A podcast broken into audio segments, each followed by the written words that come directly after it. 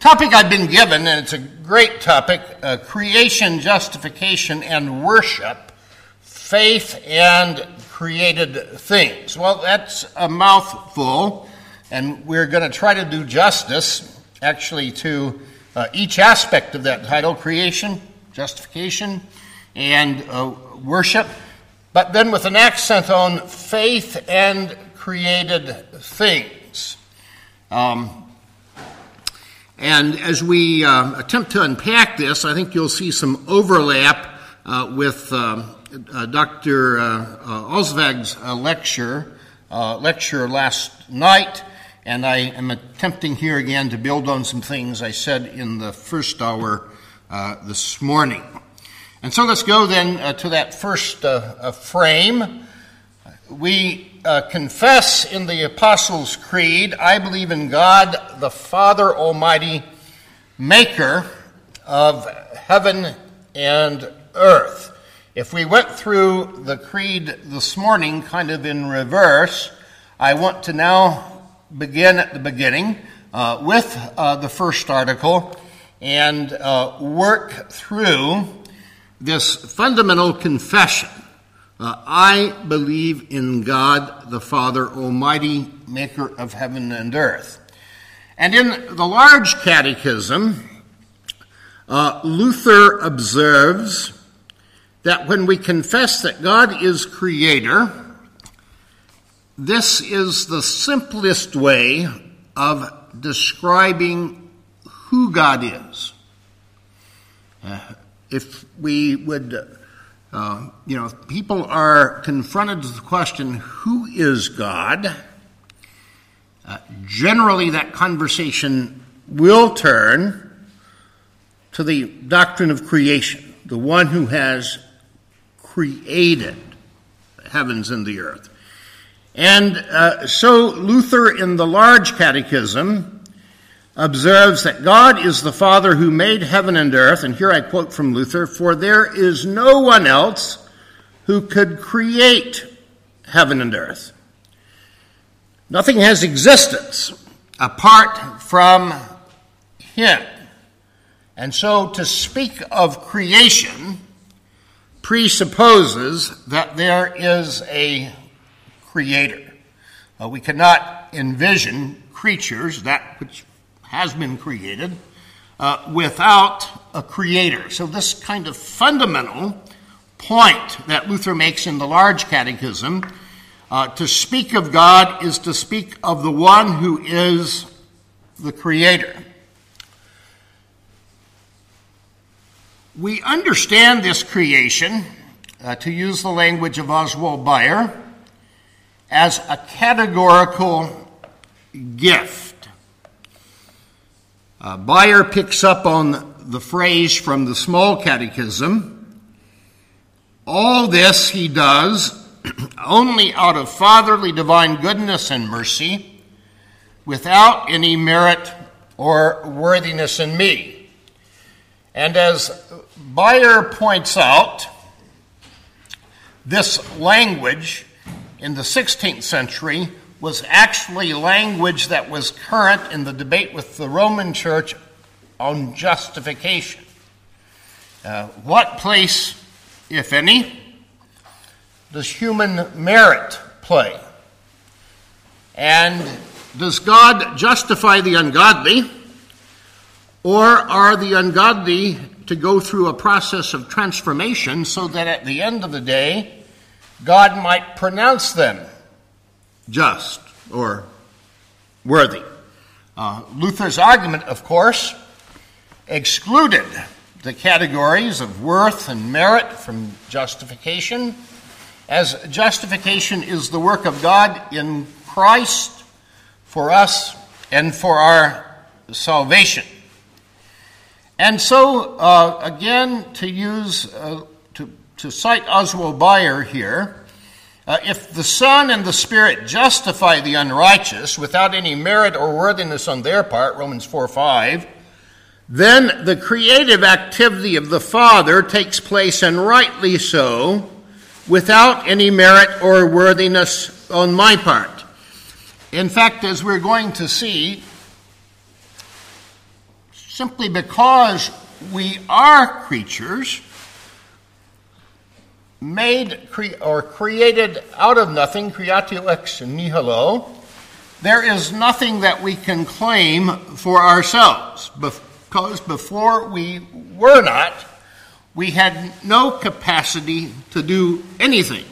That God has brought us into existence, that He is, has created us, and that this act of creation, as Luther puts it, is all out of his fatherly and divine goodness and mercy without any merit or worthiness, uh, worthiness in me. Um, so we ponder the language that Luther uses uh, when he describes God's work as our creator, his fatherly goodness and uh, mercy. Another picture there. Again from the large catechism. Luther writes, Moreover, we also confess that God the Father has given us not only all that we have and all that we see before our eyes, but that He daily guards and defends us against every evil and misfortune, warding off all sorts of danger and disaster. All this He does out of pure love and goodness without any without our merit as a kind father who cares for us, so that no evil may befall us. Hence, because everything we possess and everything in heaven and on earth besides is daily given, sustained and protected by God, it inevitably follows that we are duty bound to love, praise, thank Him without ceasing, and in short, devote all these things to his service, as he has required and enjoined in the Ten Commandments. Creation is not out of necessity, but out of love. Creation is not done out of necessity. God did not have to create, but instead it is done out of the Father's good will to express his fatherly divine goodness and mercy without any merit or worthiness in me. I think this is nicely picked up in a devotional tract uh, that Luther wrote about six years after, five, six years after the small catechism. It's an example, actually, of how Luther intended the catechism to be prayed. It's the letter to Peter the barber. Uh, that really did become kind of a devotional classic, you know, in, uh, in the Lutheran tradition. Uh, here's the village barber in uh, Wittenberg and, uh, you know, he's uh, listening to sermons, and preachers are always telling congregations, you ought to pray. Uh, and so he asked his pastor, Luther, his preacher, uh, well, Pastor Luther, how, how do we pray? How are we to pray? Uh, and Luther writes this uh, little tract that gives all kinds of practical suggestions for how to pray, but then basically takes Peter to the three core catechetical texts Decalogue, the Ten Commandments, uh, the Creed, and uh, the Lord's Prayer. And um, in his um, comments, his uh, comments on the Creed, where uh, Luther is encouraging the barber to meditate uh, on the article of creation, Luther has this to say You are God's creation, his handiwork, his workmanship. That is, of yourself and in yourself, you are nothing, can do nothing, know nothing, are capable of nothing. What were you a thousand years ago? What were heaven and earth 6,000 years ago? Nothing. Just as that which will never be created is nothing. But what you are, know, and can do and can achieve is God's creation as you confess in the Creed by word of mouth. God's gift in creation, God's gifts in creation are neither deserved or nor merited. They are endowments, they are benefactions bestowed out of a father's heart of love, mercy, and kindness. Uh, this is why dogmatically uh, we confess the creatio ex nihilo, creation out of nothing. Uh, the world, Luther says, uh, was called into existence out of nothing. Uh, Bayer notes here that Luther references uh, Romans 4 7, where Paul is again speaking of Abraham's faith, but in the narrative of uh, Abraham's faith, makes this reference uh, to creation that God uh, brings into existence things that are not. And that works uh, for Luther both in terms of creation and justification. Uh, he's really kind of echoing the Apostle Paul also in Second Corinthians, uh, where Paul says that the God who said, Let there be light in Genesis, and there was light, is the same God who has caused the light of Christ to shine into your hearts uh, through the preaching of the gospel of, of, of, Christ. And so Bayer writes on this um, uh, aspect of creatio ex nihilo in Luther, saying that the world was called into existence without having done anything to make it happen, uh, purely out of freedom and purely out of goodness. God's freedom, God's goodness. Creation out of nothing means that everything that is made comes out of pure goodness, not because of obligation. God was under no obligation to create. He freely wills to create in order to show kindness, mercy, uh, goodness. Um, God does not create out of himself, but rather out of nothing, ex nihilo, so that the creation then is not an extension of the deity. That creation itself is not made divine. There's no kind of pantheism, in other words, in the biblical doctrine of creation. There is a clear distinction between creator and, and, and, and creature. Uh, and, and Luther expresses this uh, in the catechisms. Uh, God carries the action of the verbs. Again, we've already heard that language, but let's go back to it now in terms of, um, uh, in terms of the large catechism.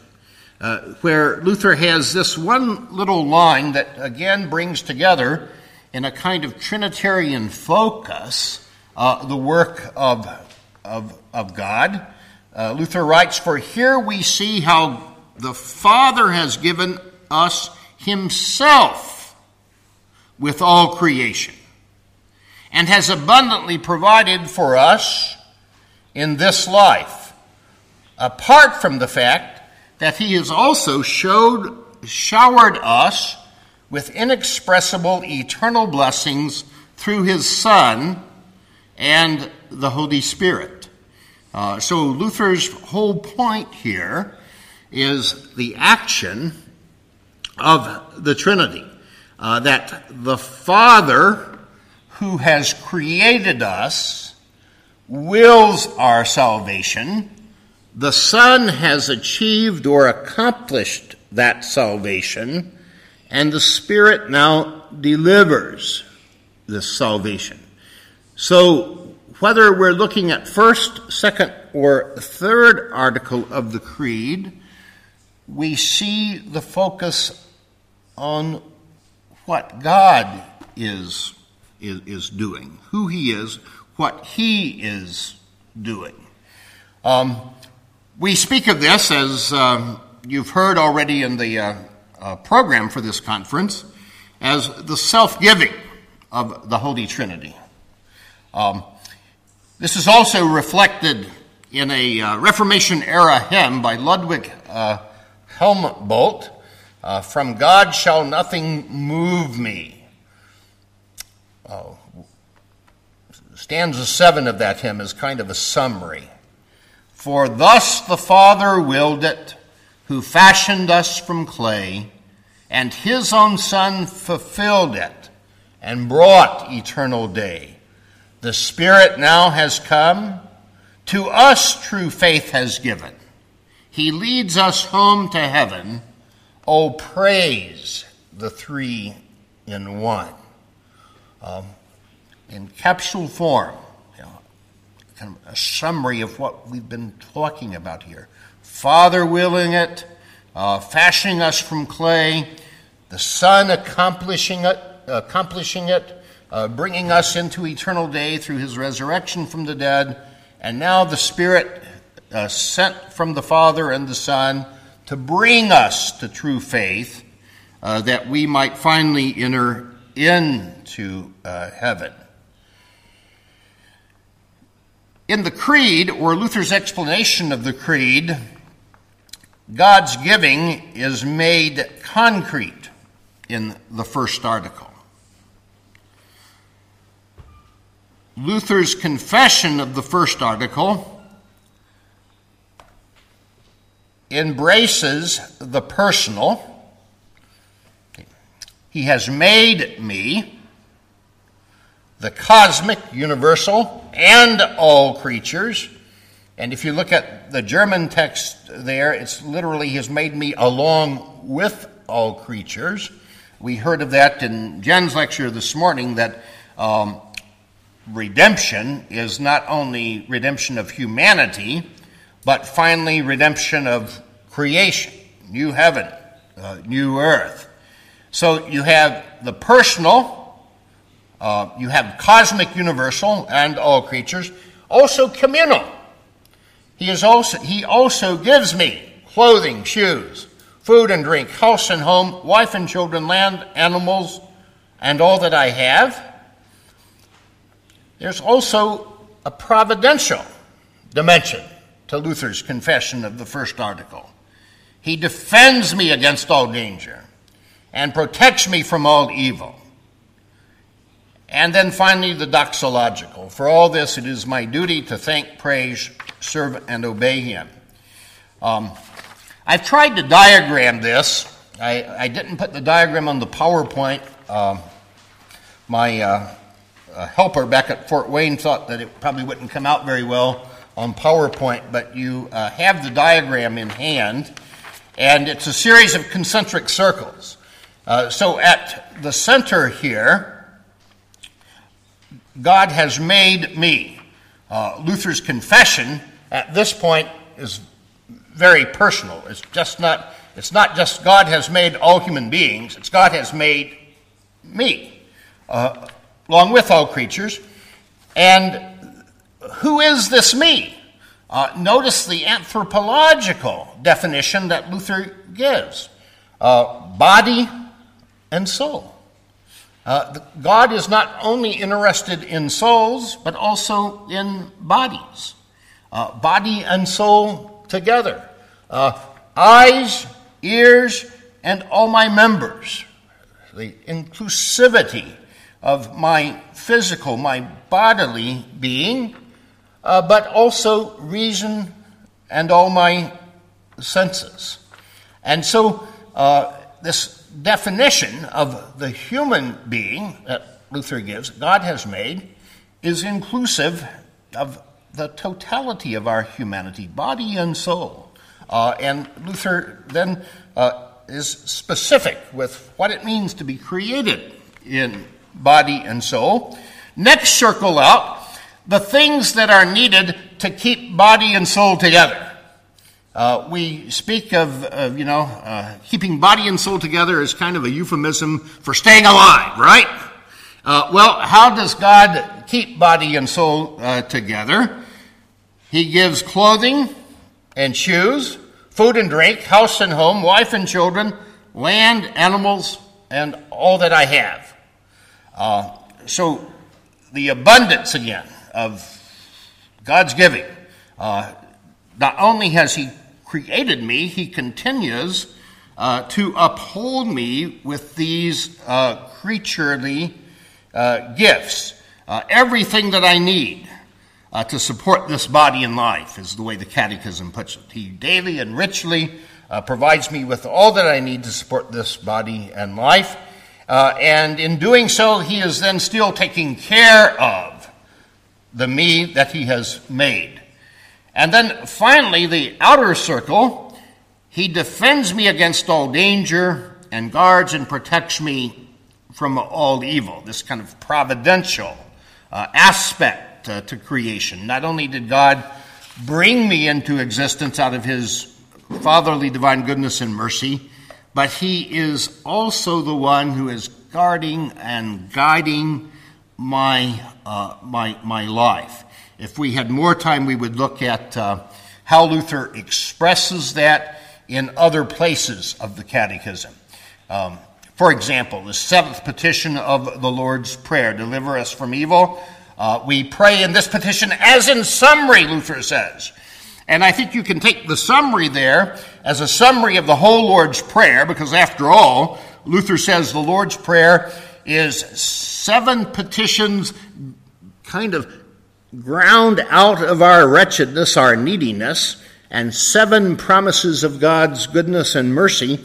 Uh, you can certainly take the summary of the Lord's Prayer as summary simply of the Our Father, but I think it's also to say that it's really a summary of the whole first part of the Catechism the commandments, uh, the Creed, the Lord's Prayer itself, because God is here richly and daily providing.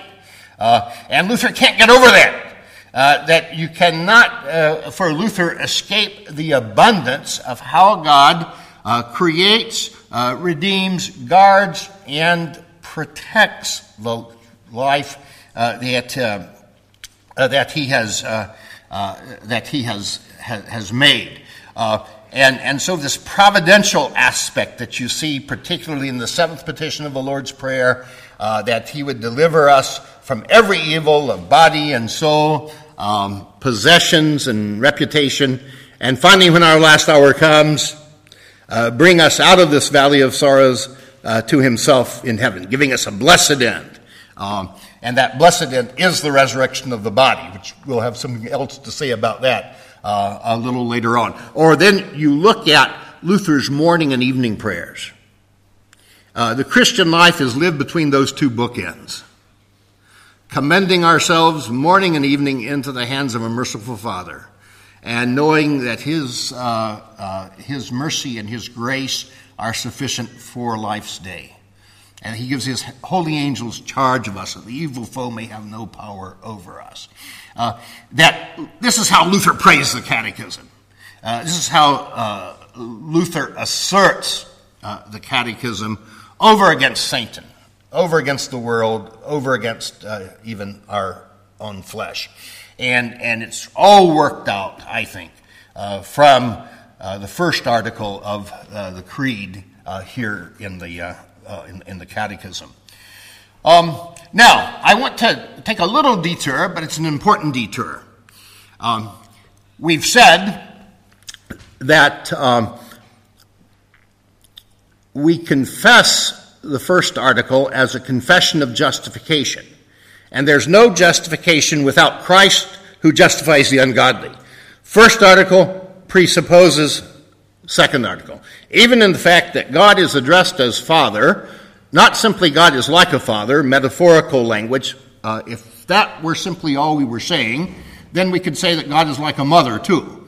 But Luther is up to something else in his exposition of the Creed when he confesses the fatherhood of God.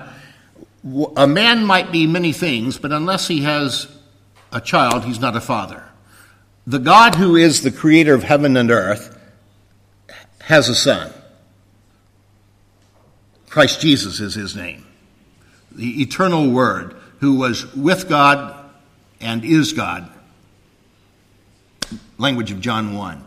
Uh, and, and so when Luther confesses the first article of the Creed, he's doing so from the perspective of the second article of the Creed. And this means Christ is key. We heard this, I think, last night. Christ is key for understanding creation. And where Christ is not preached, where Christ is not known, uh, creation is a fearful place. Um, listen to Luther on Genesis 43. Things that are most pleasant and agreeable by their own nature, yet the terrified conscience turns into wormwood and gall. Indeed, the whole creation, created for the use and pleasure of men, seems hostile and to threaten pestilence and destruction. Um, yep, mixed signals is what is how uh, Knut put it last night. Um, you look at creation, you can see, you know, the beauty of the mountains, the fjords, the, your homeland here, which I so much admire.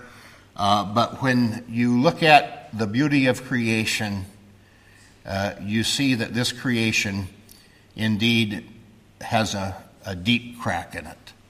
Uh, there's a wonderful little book by Edna Hong, Bright Valley of Love. Uh, Edna Hong was a uh, professor for many years at St. Olaf College in Minnesota and she wrote about this village in, uh, in Germany, Bethel, uh, run by the Bavarian Church uh, during Second World War, uh, taking care of all kinds of epileptic and invalid and uh, uh, to children with all kinds of mental disorders. old Pastor Bodelschwingh was the rector, and he was a very clever operator. He saved many people from euthanasia on the part of the Nazis. But in the Bright Valley of Love, there's one little episode that is particularly striking where Pastor uh, is doing an Advent devotion. And in one of the cottages, he's conducted the Advent devotion and he is asking the children, uh, you know, well, who is Emmanuel? And they give the answers. You know, Jesus, uh, Mary's son, uh, our Savior. Well, why did Emmanuel come? And they give, again, kind of stock answers. But then one little girl says, uh, because everything has a crack in it. Everything has a crack in it. And Pastor Bodelschwingh takes Lena in his arms and he says, Oh, you're so right, Lena. Everything does have a crack in it, and the crack is so much deeper than we can see. And the Lord Jesus, Emmanuel, came not to patch up the crack, but to make all things new. And, you know, and that kind of preaching, he preaches Christ to a, a creation that has been broken by our sin. Or to use the words of, again, Oswald Bayer, uh, creation that has been rent asunder from top to bottom. Uh, that you try to look at creation apart from Christ, and it is a fearful place and even the joys of creation. Uh, kind of the romanticism of creation that was there, you know, in earlier generations, uh, does turn, as Luther puts it, to wormwood and to gall uh, when we see creation apart uh, from, uh, from Christ. Next slide. And without justification by faith, we are left in fear and wrath. What do you see in creation apart from faith in Christ? Uh, death, destruction, things that cause us to tremble, uh, indeed, uh, the wrath of God. Bayer, again, puts it like this With his trustworthy and loving word, God rules the world. Whoever responds to the word and lives thereby, that person believes. Whoever closes himself to the word, that person's heart, mouth, and hand shut themselves up. The entire world is too confining for him. He becomes fearful and experiences God's wrath. Uh, if you want to read more about this in Luther, um, read Luther's preaching on Jonah. The world was too narrow a place for Jonah. And it was getting nearer. because Jonah is finally swallowed by that great fish. And he was entangled in the guts of that fish in seaweed, seaweed and literally suffocating while being eaten alive. Too narrow a place. There was no place Jonah could go to flee the presence of this God.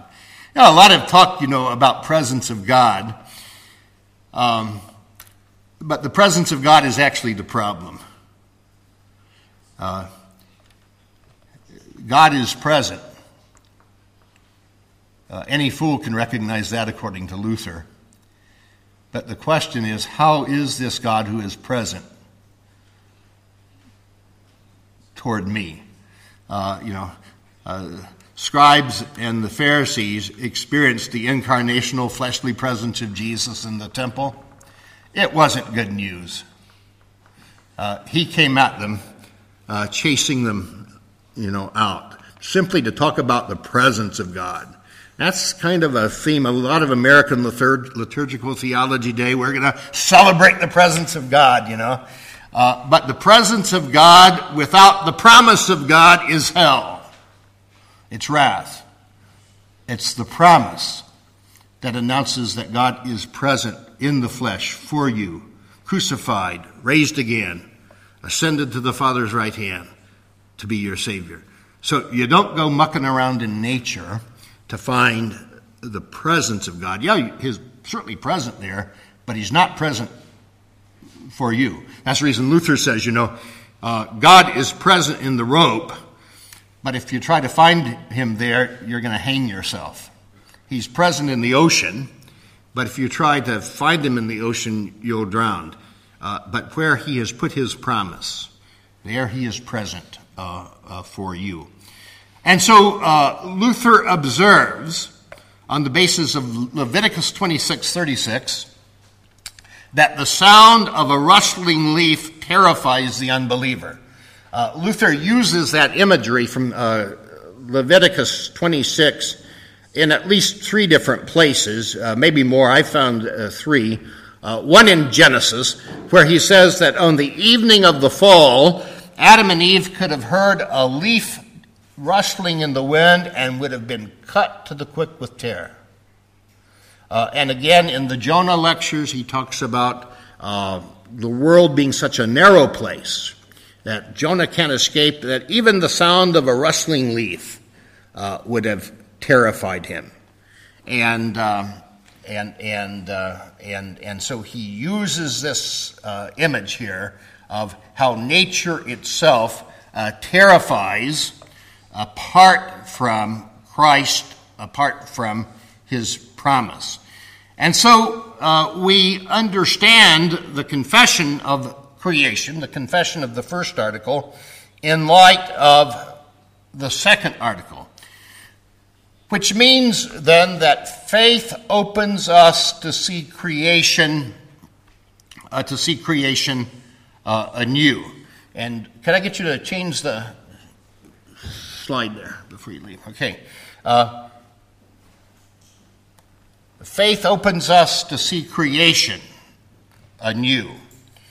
Uh, writing on John's Gospel, Luther says, Now I believe in God's Son and bear in mind that he became man. All creatures will appear a hundred times more beautiful to me than before.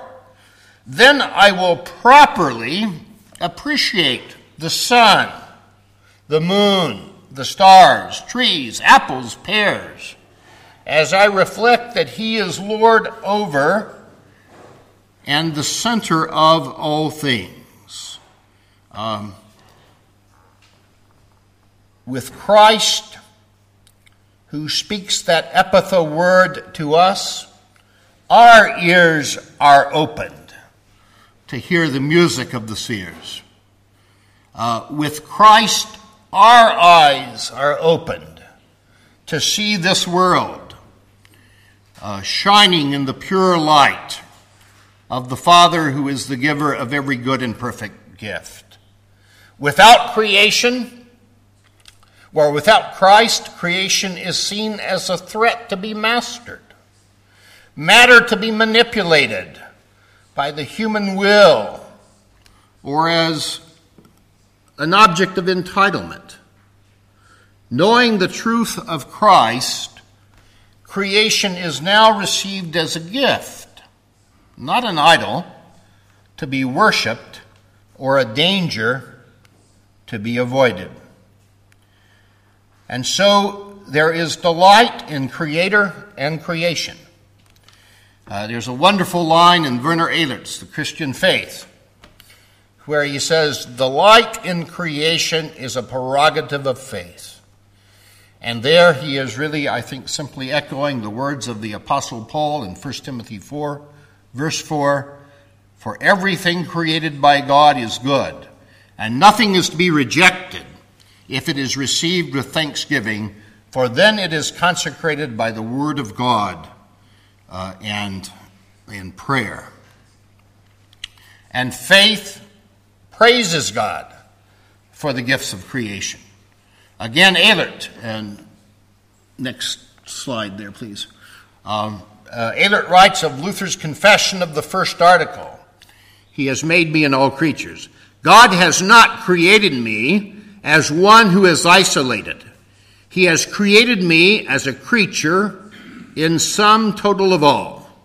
Here, faith in my Creator has become a hymn of praise to the preservation of my environment and the world in general. Luther cannot separate either God or himself from the natural environment.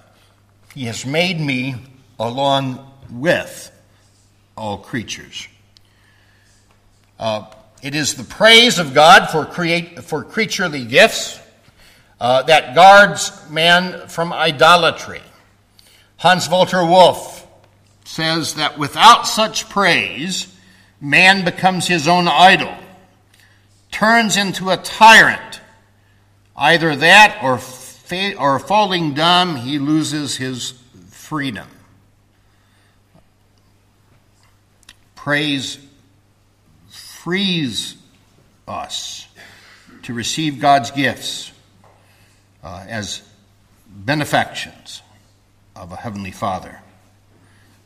Um, and this praise is enacted in daily prayer. Um,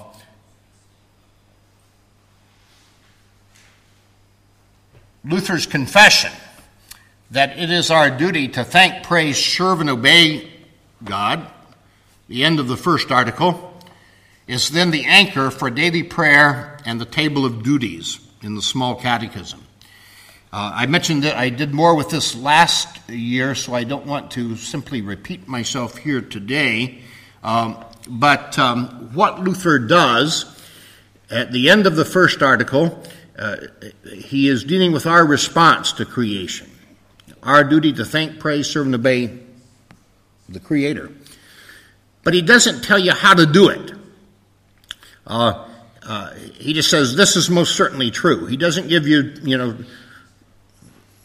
40 days of learning how to serve and obey or 10 steps to uh, praise and, and, and, and thank God.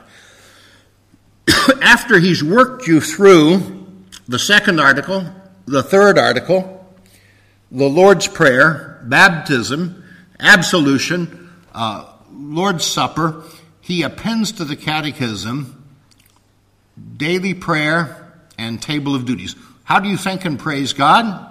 In the morning when you get up, evening when you go to bed, and at mealtime. In other words, those junctures in daily life where it is most clear that you are a creature who lives by created gifts. Uh, you know, uh, we don't feed our God. Uh, C.S. Lewis says that the biblical God is the only host who deliberately creates his own parasites. He opens his hand to feed us.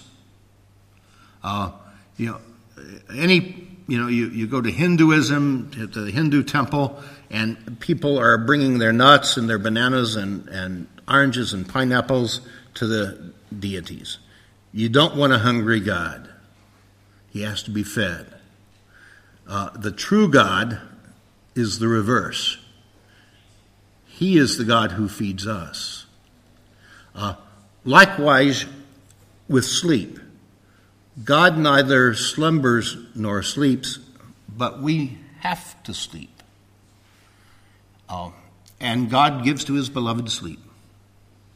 Uh, we rest beneath his protecting care. And so Luther is enacting this praise and thanksgiving of God in these kind of mini liturgies morning prayer, evening prayer, table prayer. I, I like what Jim said uh, in your book, Jim, on Luther, is that in the Catechism, uh, Martin Luther brought the village altar into the family kitchen. Uh, you don't now, worship is not confined to simply going to take part in a prayer office at church or even church on Sunday morning. Uh, certainly, divine service is fundamental and it is essential, but there is this echo then in the family prayers and the daily prayers that take place morning and evening and at uh, mealtime. And so the daily life of the Christian, in this sense, is liturgically shaped by morning and evening prayer and mealtime. There's where you're giving thanks. There's where you are praising God for these creaturely gifts, gifts of daily bread. Uh, God comes to us in creation. Uh, you'll hear more about this, I think, uh, uh tomorrow, as Jim is going to deal with uh, uh, John 1. But I would make three points here. First, God addresses creatures through creatures. To use the words of the 18th century German philosopher, German Lutheran philosopher Johann Georg Hamann, uh, that God addresses creatures through creatures, which is another way of saying that God does not deal with us apart from creation. Uh, no soul apart from body. Uh, God is not just interested in the spiritual realm, leaving the earthly realm down here to kind of go on its own. Uh, he deals with us by becoming one of us. Luther says he becomes so close to us that his skin smokes, huh? uh, that he comes into our world, flesh of our flesh, bone of our bone, to be our brother uh, and Redeemer. In Christ, the Creator becomes the creature. The Word was made flesh, uh, John 1. So God does not stand apart from His creation, but rather as the Creator, He now comes to His creation. And God attaches his promises then to created things. Uh, Mark Mattes, in a new book that is a, a very fine study, Martin Luther's Theology of Beauty, puts it like this Only in the promise is God's mercy unmasked, made available for sinners. Luther thus does not support the strict dichotomy between word and image, of which Protestants are usually accused. For Luther, there is no God to be had apart from some covering or a wrapper, whether that wrapper is God masking himself in created material realities or giving himself sacramentally in the church. God likes stuff, He created it, and He uses the stuff of this physical creation to come to us as he puts his promise there. He locates his mercy in that word of promise in these creaturely means. Um, God comes to, it, to his human creatures in, in the bodily and external word of the cross. The liturgy is not an ascent to God, uh, but the triune God coming to us his creatures in the bodily word of promise. God uses created means, language, mouths, tongues, water, bread, and wine to bestow the forgiveness of sins. Uh, that liturgy is not the ascent into God's presence or a kind of Neoplatonic move into the heavenly realms to mythologically participate in these heavenly realities, but rather God comes in the mouth of a preacher with water splashed over the head, penetrated by his word and name, and by with and by bread and wine, which his word declares to be the very body and blood born of Mary, crucified and raised from the dead for us and for our salvation. God uses created things for the sake of faith. So God's word is in the water. Uh, Albrecht Peters puts it like this The triune God does not deal with us in baptism only in the heights of his majesty. Word and element are saturated at the same time with what he did when he turned to us in love. And Albrecht Peters is thereby saying that uh, in baptism, uh, God puts his word to that water, and by that word in the water, he is giving us the benefits of Jesus' death. And as Paul says in Romans 6, if we have died with him, we will also live with him. That baptism is not a metaphorical dying and rising. It's not a symbolic enactment of death and resurrection. It is death and resurrection. So God's word is included in God's command and combined with God's word. Uh, that, uh, you know, what Jesus says about mar- marriage, Luther applies also to theology. What God has joined together, let not man tear asunder. And the history of baptism could be told from the perspective of those who try to pull apart water and word, huh? or water and spirit. And so you get spirit baptism and then lowly water baptism, huh? As with Pentecostals. Uh, or you get those who romanticize about the glory of water and have great poetic prayers describing uh, the power of water.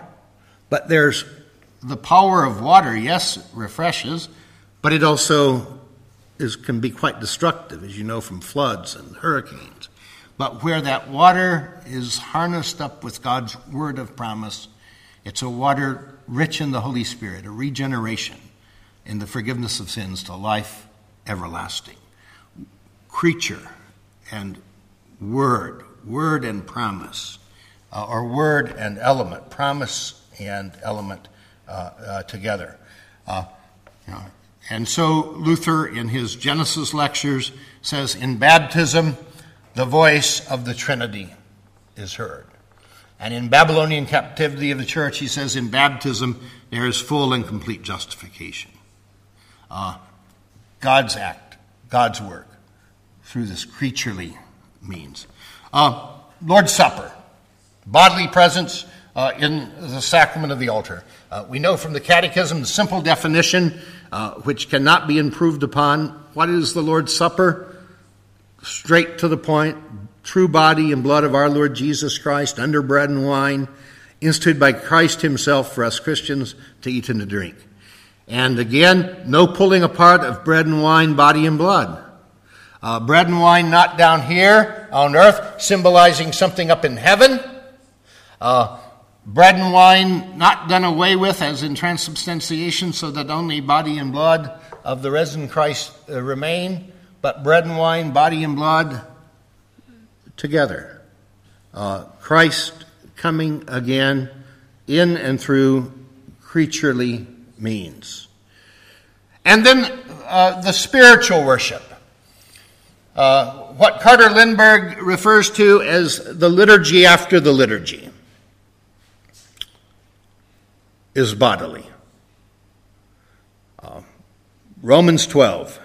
1 to 2 as the passage here. I appeal to you, therefore, brethren, by the mercies of God, to present your bodies as a living sacrifice, holy and acceptable to God, which is your spiritual worship.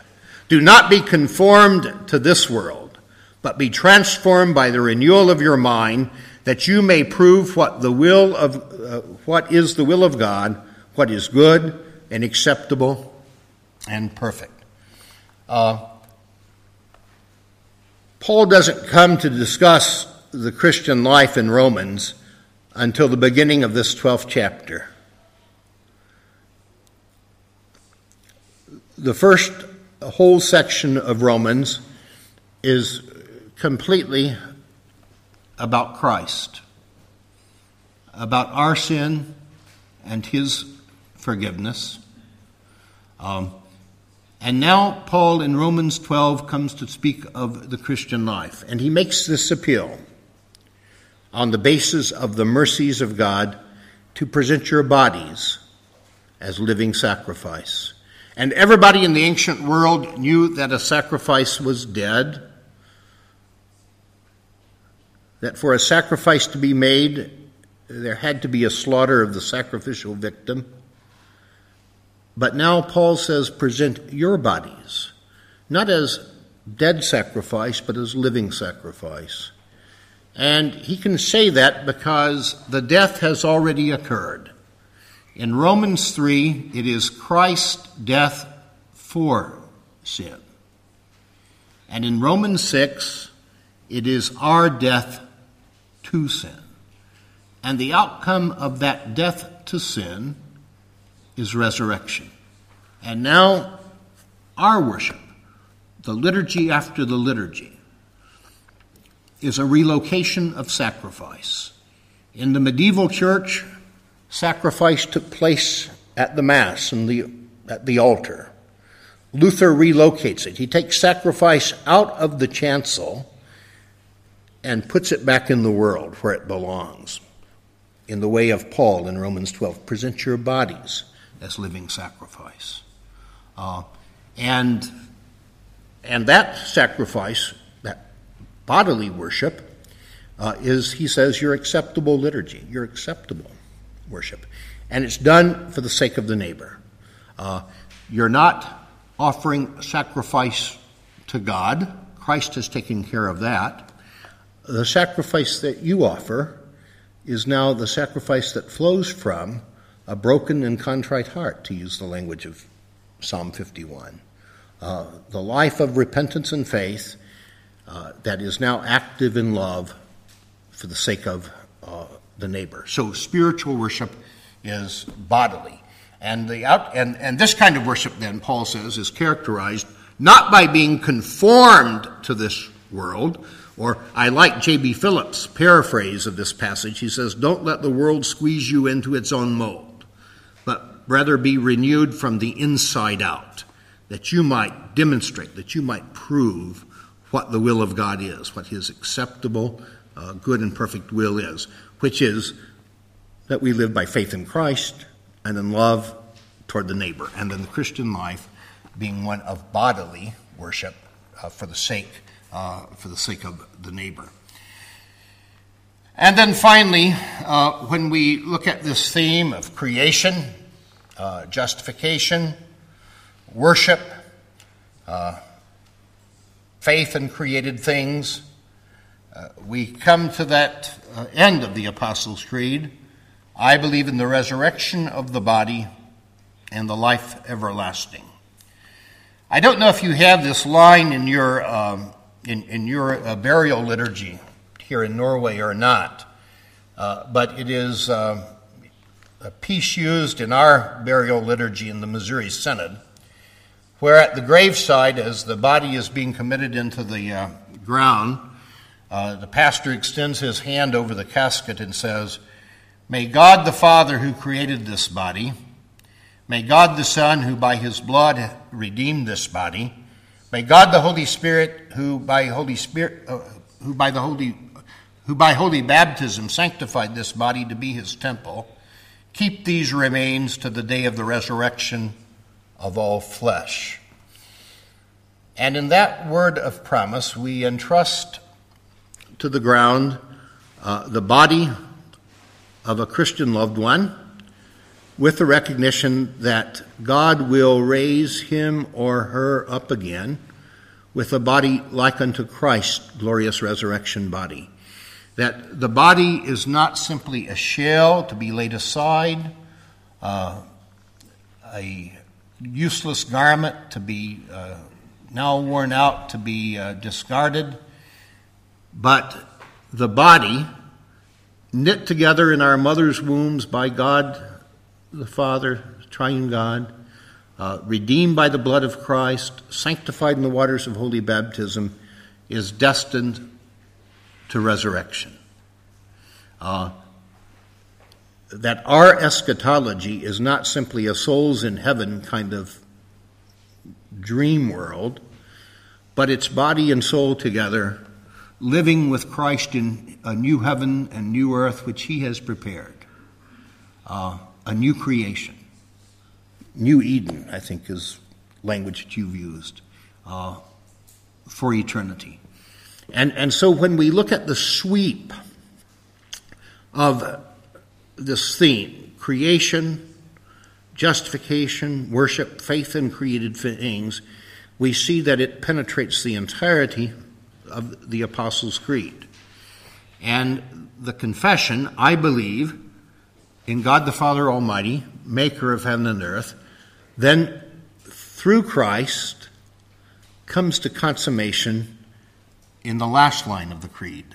I believe in the resurrection of body and the life everlasting. Uh, from beginning to end, faith is concerned about created things because in Christ, faith knows that the Creator is the same one who suffered and died and rose again for us. Thank you very much.